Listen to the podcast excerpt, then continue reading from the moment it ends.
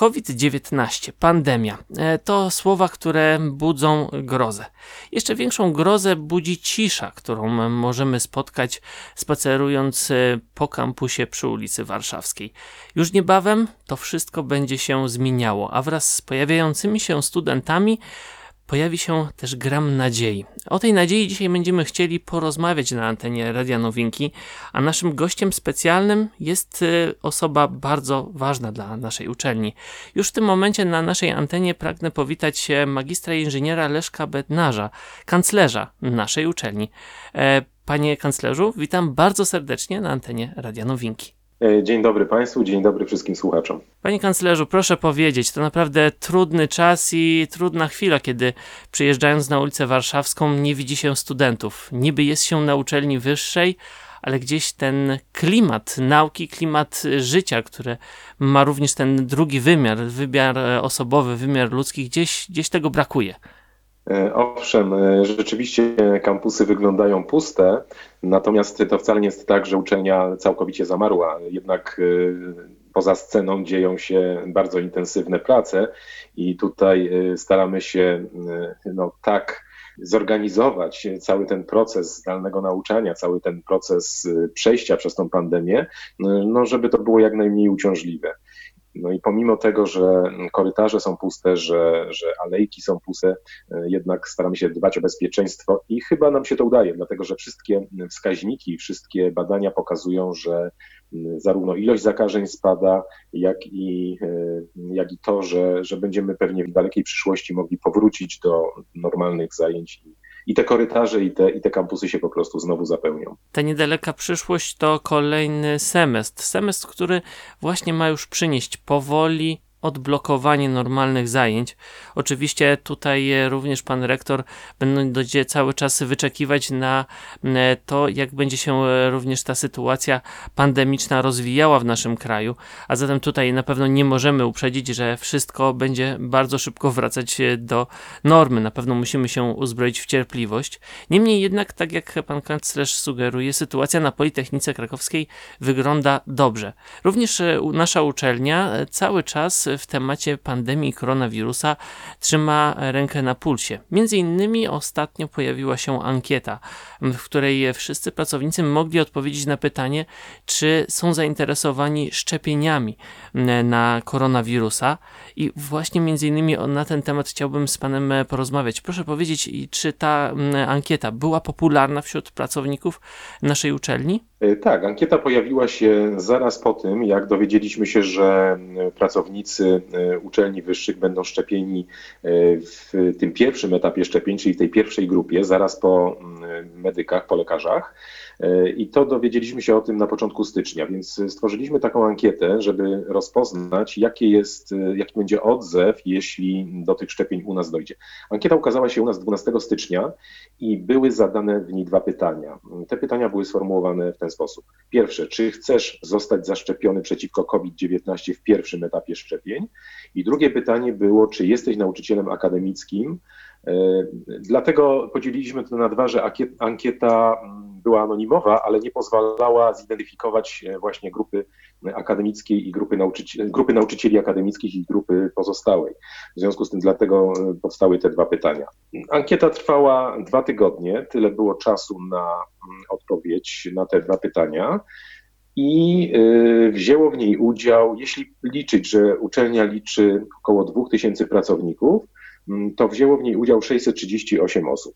Jest to dosyć duża liczba, mm, można powiedzieć reprezentatywna, dlatego że, że to jest jedna trzecia mm, nauczycieli akademickich. No ona nie była kierowana do studentów, e, ponieważ tak ten system e, funkcjonuje, że właśnie tylko do, do pracowników. No i z tej grupy 638 osób można powiedzieć, że na to drugie pytanie odpowiedziało połowa nauczycieli i połowa osób nie będących nauczycielami akademickimi. Tak te głosy się tutaj rozłożyły. Panie kanclerzu, e, czy społeczność e, na naszej uczelni, na Politechnice Krakowskiej chce się szczepić? Jak e, generalnie odpowiadali już ci, którzy zdecydowali się na udział w ankiecie? Bardziej boją się szczepień, czy jednak chcą skorzystać z takiej możliwości? No, ogłaszając ankietę, nie byliśmy pewni, dlatego że docierały do nas sygnały z wydziałów, że mniej więcej połowa telefonów, które były kierowane do dziekanów, była właśnie przeciwna szczepieniom, a druga połowa za szczepieniami. No, ankieta pokazała, że te głosy rozkładają się w ten sposób. 91% y, wszystkich ankietowanych było na tak, natomiast tylko 9% nie chciało się za, za, zaszczepić. I znowu tutaj, jeśli porównujemy y, grupę nauczycieli akademickich i pozostałe osoby, to rozkładały się te głosy mniej więcej po połowie. Nieco więcej nauczycieli chciało się zaszczepić, troszkę mniej niż 50% pozostałych osób. Ja mogę podać dokładne cyfry. Łącznie 580 osób na tak i w tym 377 osób nauczycieli akademickich, a 208 poza. Natomiast na nie odpowiedziało 58 osób w grupie nauczycieli akademickich i 25 osób poza e, tą grupą nauczycieli akademickich. Więc podsumowując wyniki ankiety, można powiedzieć, że e, ten wynik 91% za świadczy o tym, że, no, że społeczność akademicka chce się zaszczepić.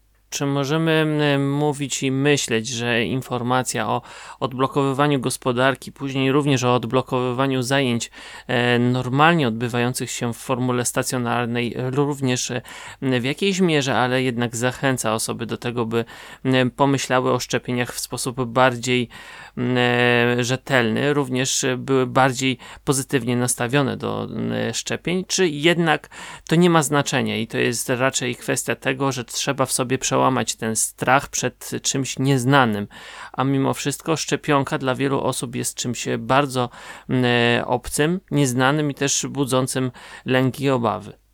No cóż, ja myślę, że nie mamy innego wyboru, innego wyjścia, jeśli chcemy powrócić do normalności i jeżeli chcemy normalnie funkcjonować właśnie chociażby w naszej społeczności akademickiej, gdzie studenci spotykają się nie tylko z nauczycielami akademickimi, ale również y, z personelem administracyjnym, to uważam, że im więcej osób w tej chwili się zaszczepi, to tym będzie to korzystniejsze, żeby, żeby normalnie funkcjonować, żebyśmy nie mieli no, być może kolejnych lockdownów. W związku z tym absolutnie zachęcam.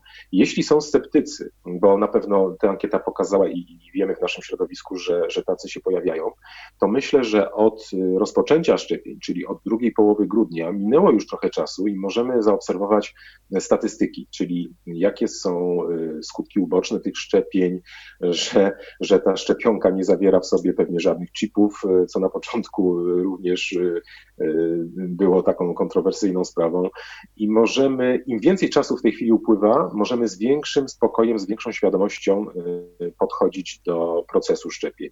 Mm, podsumowując, myślę, że jestem na tak, to znaczy jak najwięcej osób powinno się zgłosić i powinno zostać zaszczepione. Tutaj rozmawialiśmy o szczepieniach, ale na pewno też chcielibyśmy uspokoić wszystkich studentów, którzy z jednej strony bardzo chcieliby wrócić na zajęcia stacjonarne, z drugiej strony mogą mieć jakieś obawy przed powrotem na uczelnię procedury są cały czas realizowane i również uczelnia cały czas przygotowuje się do tego, by zajęcia stacjonarne odbywały się w jak najlepszych warunkach. To przecież chyba możemy podkreślić również dzisiaj na naszej antenie.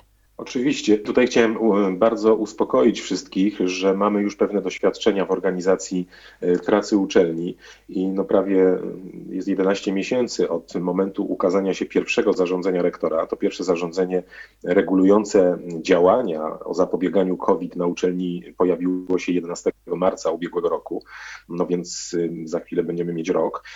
Od tego czasu różnych zarządzeń rektora związanych z sytuacją pandemiczną pojawiło się ponad 20. To były różne zarządzenia. To były zarządzenia mm, organizujące mm, pobyt w domach studenckich, to były zarządzenia e, organizujące pracę zdalną i pracę pracę rotacyjną na uczelni. To były zarządzenia dotyczące różnych stref. Była przecież Kraków był strefie czerwonej. Były to drobne zarządzenia dotyczące noszenia maseczek na uczelni i tak dalej, i tak dalej. Muszę powiedzieć, dlaczego to jest bezpieczne, ten powrót na uczelnię. Dlatego, że w październiku e, ubiegłego roku został powołany zespół koordynacyjny właśnie do monitorowania i do sporządzenia procedur związanych z bezpiecznym powrotem na uczelnię. I takie procedury ukazały się jeszcze w sierpniu, a po pracy tego zespołu, takie już bardzo dopracowane procedury ukazały się dokładnie 23 października ubiegłego roku. I od tego czasu tak naprawdę ja się z tego bardzo cieszę. Nie musieliśmy skorzystać z tych zapisów, procedur, które tam były zawarte. No, wymienię tutaj chociażby takie zapisy, w jaki sposób zgłaszać się, jeśli ktoś zaobserwuje na terenie uczelni u siebie objawy covidowe. Wydzieliliśmy izolatki, wydzieliliśmy specjalne telefony, specjalny mm, sprzęt, który, w który te, te pomieszczenia y, są wyposażone. Y, utworzyliśmy, mm, zorganizowaliśmy specjalny samochód, który w razie konieczności odwoziłby y, osoby, które źle się poczują do szpitali węzłowych, do, do, do szpitali wirusowych. No i do tej pory nie było żadnego takiego przypadku, żebyśmy musieli z tego skorzystać, a gdyby w tej chwili przy powrocie e, studentów, przy powrocie pracowników taki przypadek nastąpił, jesteśmy bardzo dobrze do tego przygotowani. Jednym słowem, jesteśmy gotowi. Możemy powoli myśleć o powrocie i nie jest to tak, że rzucamy się z motyką na słońce.